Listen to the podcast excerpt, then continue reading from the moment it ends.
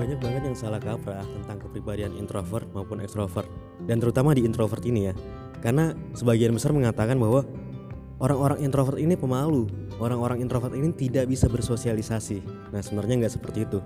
Jadi perbedaan introvert dan ekstrovert hanyalah di cara mencharge energi.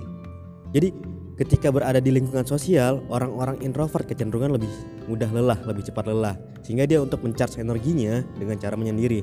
Sedangkan orang-orang ekstrovert, dia ketika berada di tempat ramai, dia justru malah semangat, itu sumber energinya.